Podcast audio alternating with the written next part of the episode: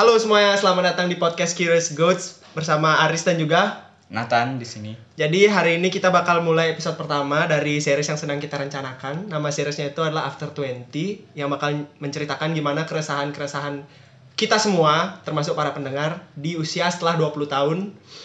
Ya kan biasanya kita sering merasakan gimana rasanya kadang-kadang kita tuh depresi atau mungkin anxiety atau mungkin kita insecure atau apalah segala macamnya yang dihadapi oleh orang-orang yang sudah di atas 20 tahun. Nah, di episode pertama kali ini kita bakal ngebahas soal kemalasan. Nah, kenapa kita bahas soal kemalasan? Karena kita sendiri itu break sekian lama dari eh, rekaman podcast ini yang udah kita rencanakan. Mungkin balik lagi ke tahun 2019 ya yang kita pertama kali punya Ya, bener. rencana untuk bikin podcast dan emang 2020 kita mulai realisasikan dengan beberapa episode selama pandemi juga via call jarak jauh. Nah, tapi justru setelah eh, Nathan balik ke Bali dan aku jadi sering ketemu Nathan, kita jadi kurang aktif di podcast ini. Entah kenapa kita sering ngomongin podcast ini, kita sering punya eh, apa? Gagasan ya, Gagasan, ide. ide, topik bahkan yang untuk kita bicarakan tapi entah kenapa kita nggak jalan-jalan. Hmm. Nah, bahkan setelah lama kita break pun kita sering banget apa namanya ya bisa dibilang gontok-gontokan lah kayak yang ayolah kamu mulai, ayolah aku mulai kayak gitu. Yang Kita selalu debatin peran. Ya yang Peran ini mau jadi apa, aku mau jadi apa. Kayak gitu-gitu sih yang buat kita nggak mulai-mulai sebenarnya. apa sebenarnya juga ada faktor kemalasan di balik itu mungkin akan kita bahas hari ini. Jadi bisa juga kita ceritakan nanti harapan kita ke depannya gimana tentang podcast ini dan tentang project yang sedang kita mulai berdua yang kemungkinan juga berhubungan dengan eh, podcast kita ini. Jadi silahkan didengerin aja episode pertama kali ini.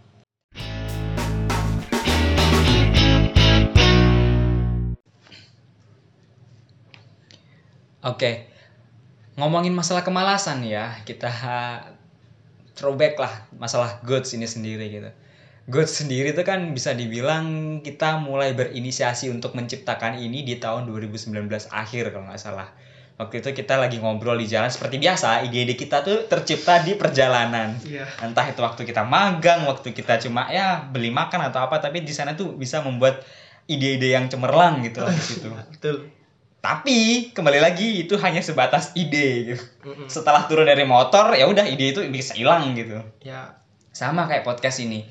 Dari 2019 kita udah mulai bikin, kita udah mulai eh, susun ini itu ini itu bikin account ini itu ini itu sampai rekaman pertama aku inget banget di ITDC waktu itu di Bal di Art Bali kalau nggak salah malam-malam gelap-gelapan nggak ada lampu kita rekaman di situ buat mencari sebuah suasana yang nyaman dan sepi Iya. aneh gak sih? Ya, berdua sepi gelap lagi. Karena anjrit. ini rekan saya ini kebetulan ini dia tipe orang yang mentok kalau misalnya kita berdua tuh ada di mungkin kayak kosan atau di satu ruangan gitu. Dia tuh perlunya ini tempat yang sesuatu yang baru gitu loh yang em, bisa dibilang kayak ketika kita ngelihat suatu sudut itu bakal menciptakan suatu inspirasi gitu. Kalau di kos tuh sudut sini berantakan sudut situ berantakan.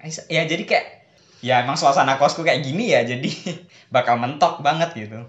Nah ta- tadi itu kan udah ini kita omongin kita udah mulai dari tahun 2019 ya Ah. 2020 juga jarak jauh.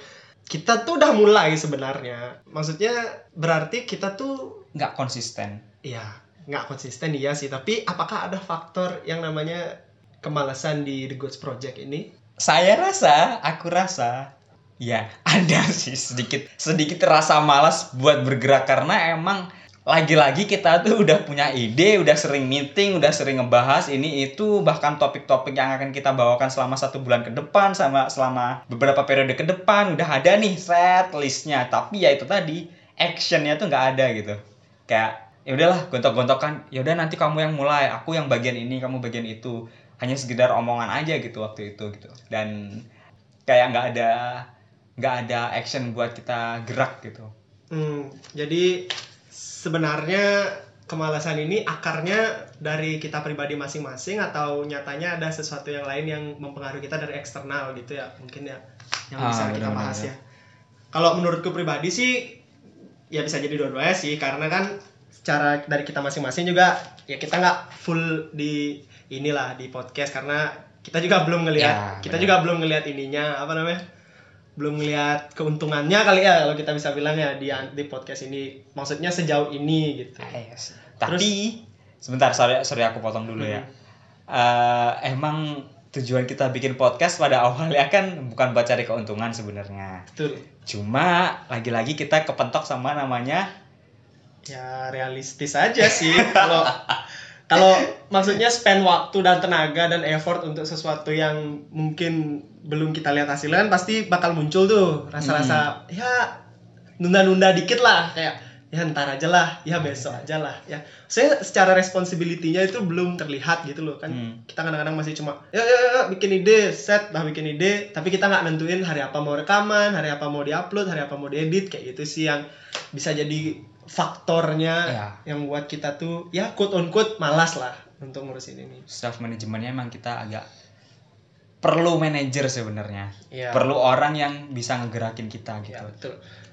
Nah, itu tadi kalau dari ini dari kita berdua maksudnya secara eh, secara kolektif lah sebagai Hmm. the goods kita kadang-kadang malas karena ya bukan malas yang purely malas sih, lebih ke kayak kita entar dulu entar dulu gitu.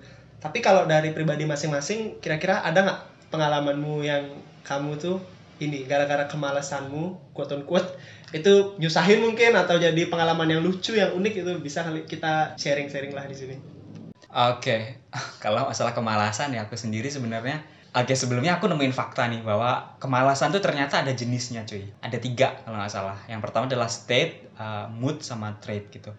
Nah kalau da- dari ketiga tersebut itu yang sering aku alamin adalah dua Antara state dan mood gitu Nah state itu apa sih? State itu kayak suatu kemalasan yang dikarenakan suatu keadaan gitu Contohnya kayak muluk-muluknya ya aku aku yang sering aku alamin adalah kayak misalkan kita dikasih tugas nih tapi ternyata tugas tersebut nggak dikoreksi nggak diapain sama kayak bener-bener kita ngumpulin ya udah ngumpulin aja gitu tanpa ada feedback atau apa pun kepada kita gitu kan Hmm. mahasiswa gitu itu tuh ke depannya aku bakal males gitu ngerjain ini tugas atau ini mata kuliah atau ini dosen gitu. Mending aku belajar yang lain aja lah gitu.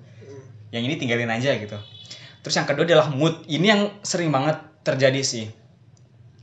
Bahkan mood ini sebenarnya terjadi eh, bisa terjadi kepada siapa pun gitu. Entah itu orangnya rajin atau apa tapi yang namanya mood kan bener-bener perasaan orang tuh bisa berubah sewaktu-waktu gitu. Ya, agree, agree. sama ada lagi fakta ketiga adalah trait atau bawaan gitu. Sebenarnya ya ini berbeda sama takdir ya. Ini berbeda sama takdir. Kemalasan ini kita sendiri sebenarnya yang menciptakan gitu.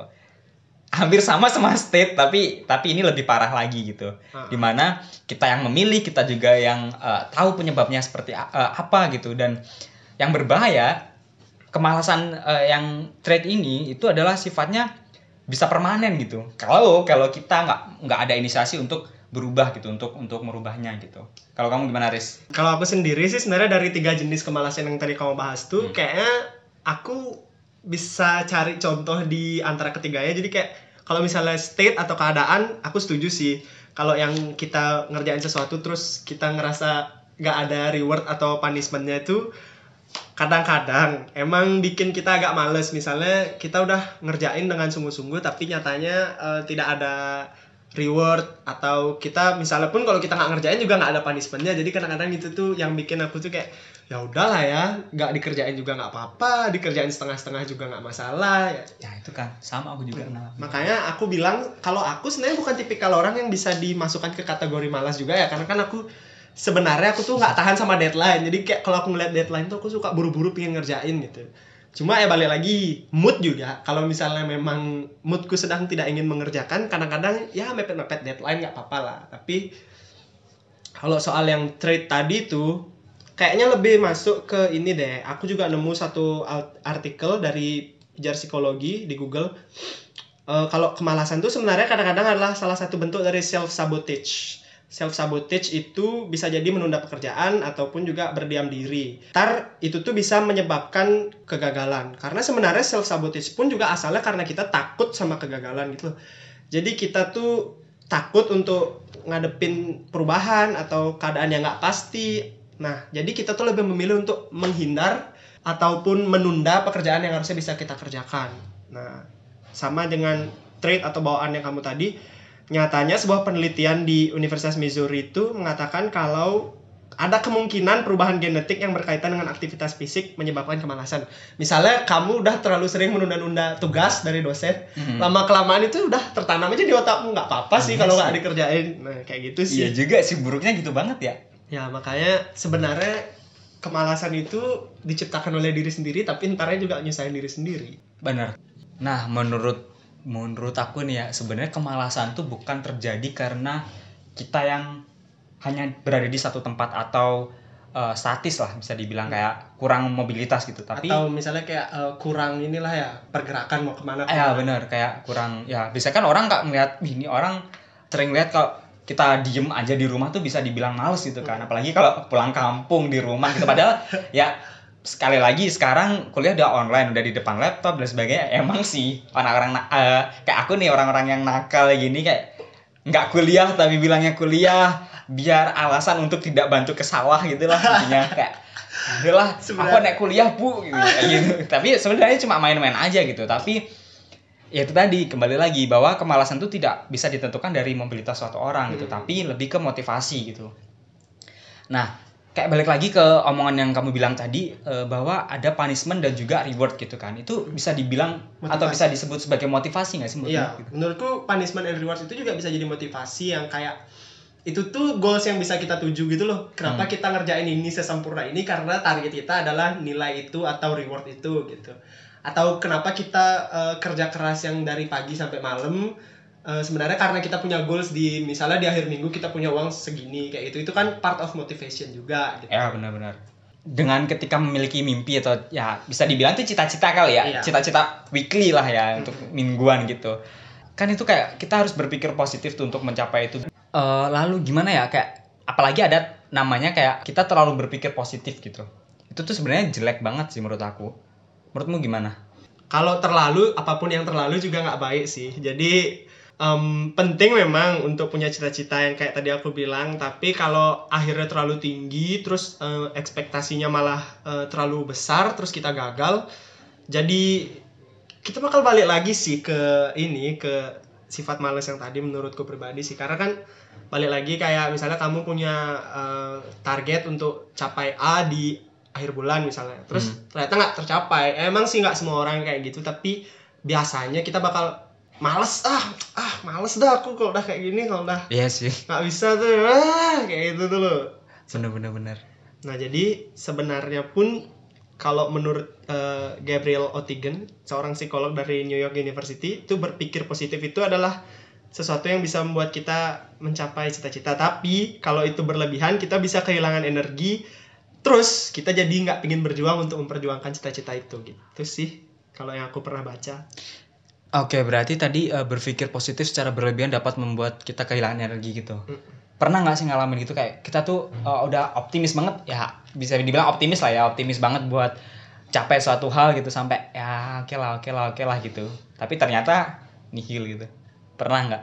Em, pernah sih kan aku tuh kagum banget sama orang yang bisa gambar ya Hmm. terus kan suka iseng nih cari-cari di YouTube kayak tutorialnya ini gambar digital ya kayak Adobe Illustrator atau Corel Draw gitu cari tutorial di YouTube nah aku tuh udah ada motivasi yang eh, kayak aku tuh udah sampai nyetel alarm setiap jam setengah sepuluh malam untuk latihan Adobe Illustrator Oke. jadi seminggu pertama itu aku udah coba udah latihan Adobe Illustrator ngikutin di YouTube di YouTube kelihatannya gampang dong Setiap hari tuh ya? Iya, Oke. dalam seminggu pertama. Ah. Itu kan dilihat YouTube gampang dong. Ah, Tak coba dah, tak gambar. Itu jadi gambar idol favorit gitu loh ceritanya. Jadi kayak pingin biar inginnya tuh di repost lah sama idolnya gitu loh. Jadi latihan gambar di Adobe Illustrator seminggu.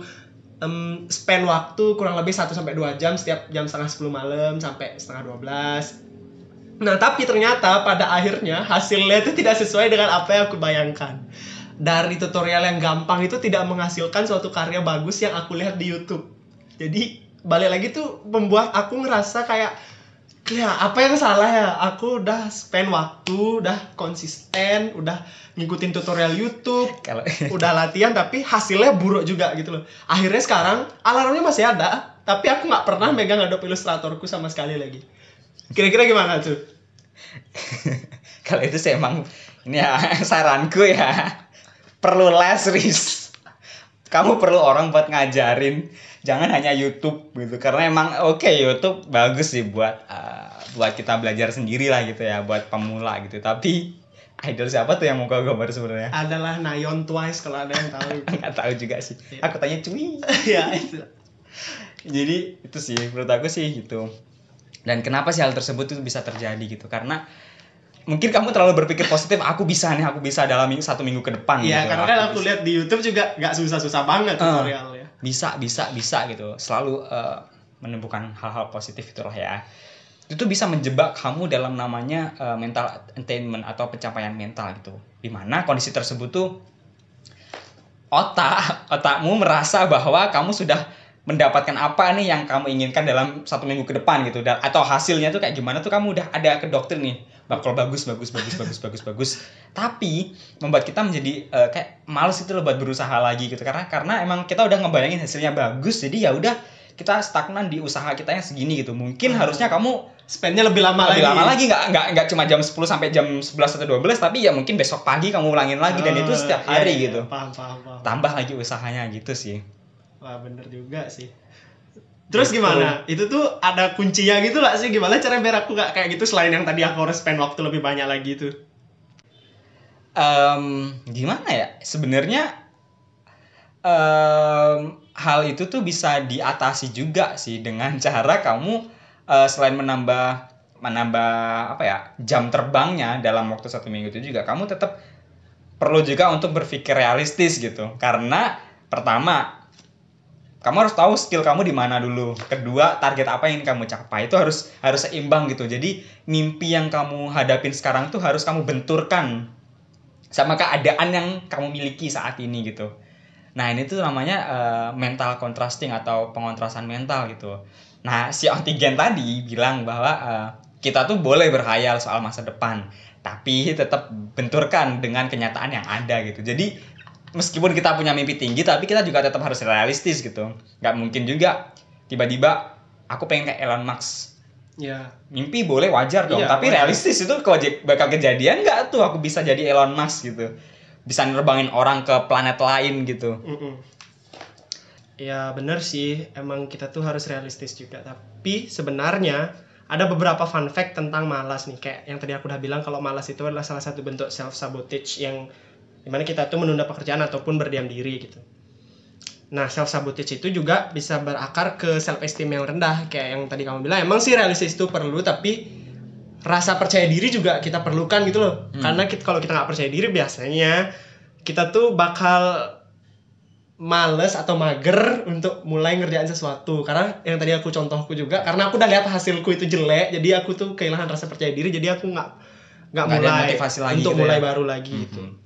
Nah terus malas itu sebenarnya bisa jadi juga ini secara psikologis tuh otak dan tubuh kita tuh merespon dengan reward dan juga punishment yang kayak tadi aku bilang itu kalau sebenarnya sistem hadiah itu atau reward system itu bisa jadi pemicu utama supaya otak kita mengeluarkan dopamin yang bisa memicu rasa menyenangkan dan perilaku untuk mendapat rasa senang itu terulang kembali. Jadi misalnya kita nih udah pernah ngerasain gimana kita dapat reward, jadi otak kita tuh bakal ngeproduksi dopamin yang membuat tubuh kita tuh ingin untuk mendapatkan hal itu lagi gitu loh, ingin mendapatkan pengalaman itu lagi.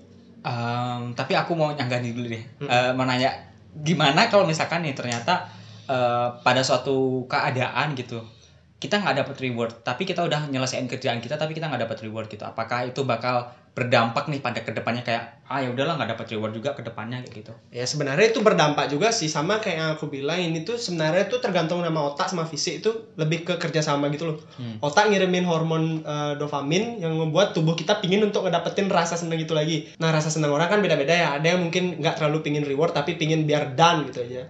Hmm. Nah siapa tahu emang kalau dia emang pinginnya cuma pingin done, jadi kan otaknya ngerasa dopamin atau kebahagiaannya itu berasal di rasa done atau rasa selesainya itu. Jadi dia ya udah meskipun nggak dapat reward tapi yang penting dia, Dia bisa senang. nyelesain iya dia kalau tetap senang aja tadi ya kalau dia seneng nyelesain itu.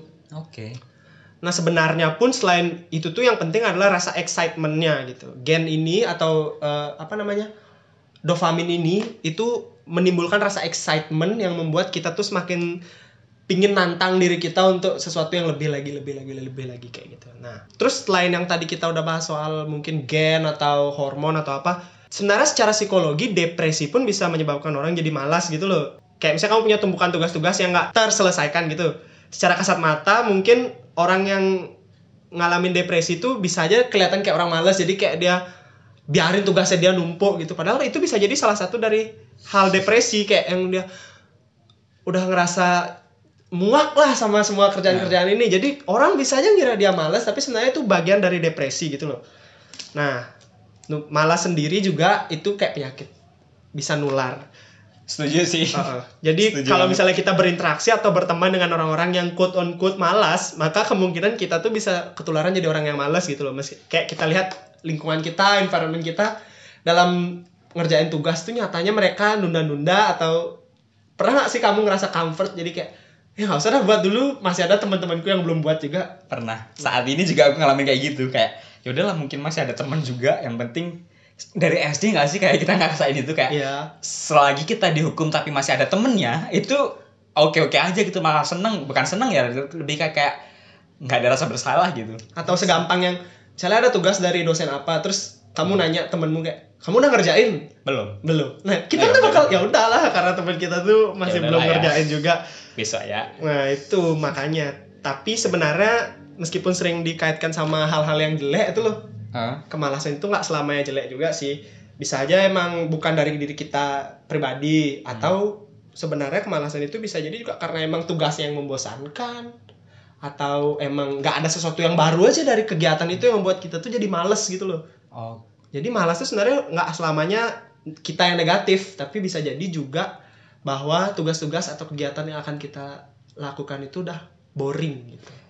berarti itu udah saatnya ada titik titik eh, di mana kita udah harus menemukan atau memulai hal yang baru gitu ya Ya, tapi memulai Bisa hal yang baru pun sama dengan yang kamu bilang tadi, mulai dengan hal yang realistis Iya, dengan hal yang realistis juga. Itu sih.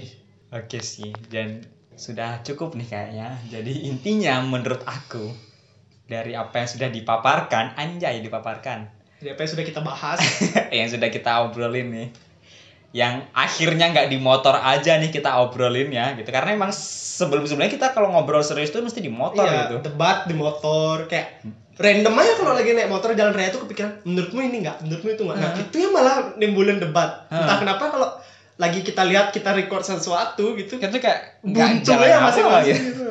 Aneh. Jadi menurut aku adalah em, malas itu boleh asal tanda kutip dalam batas wajar ya. dan dan gak mengganggu gitu loh tujuan kita dan mimpi kita di depannya gitu tapi ya kalau misalkan malah sesekali sih nggak apa-apa ya Iya. Ya aku sih masih bersinergi, anjay bersinergi. Masih mirip lah sama pernyataanmu. Males itu manusiawi, bener. Karena sifat dasar manusia pasti punya lah males. ya Tapi ya semua yang berlebihan tuh nggak baik gitu loh. Ya sebenarnya malesnya pun ada takarannya. ya benar Nah, dan kuantitas itu tidak seja, tidak selamanya sejalan dengan kualitas. Jadi meskipun kita kelihatannya nih banyak ngerjain sesuatu, tapi kalau emang itu nggak berkualitas atau misalnya nanti tiba-tiba kita boring di tengah jalan, bisa kita kelihatan malas kan? Hmm. Jadi mending mulai aja dikit-dikit dulu satu-satu apa kayak yang emang menurut kita realistis, gampang, nggak sih gampang banget maksudnya.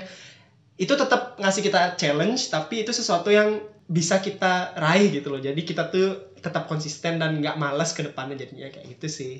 oke berarti sih kita ya selain selain untuk melawan rasa malas itu berarti kita harus bersinergi nih antara tubuh kita dan otak kita karena ketika kita otak kita udah jalan nih kaki kita dan tangan kita juga harus jalan gitu biar tujuan kita tuh tercapai gitu nggak Iya. yang otaknya jalan tapi kakinya nggak jalan ya Iya, betul sekali. Oke, em, teman-teman, sekian dulu episode pertama kali ini, episode perdana di tahun 2021. Eh, semoga kita bisa ketemu lagi segera dan ya ditunggu aja episodenya di at eh, The Goods Project di Instagram, kalian bisa cek di sana. Terima kasih semuanya. Dah.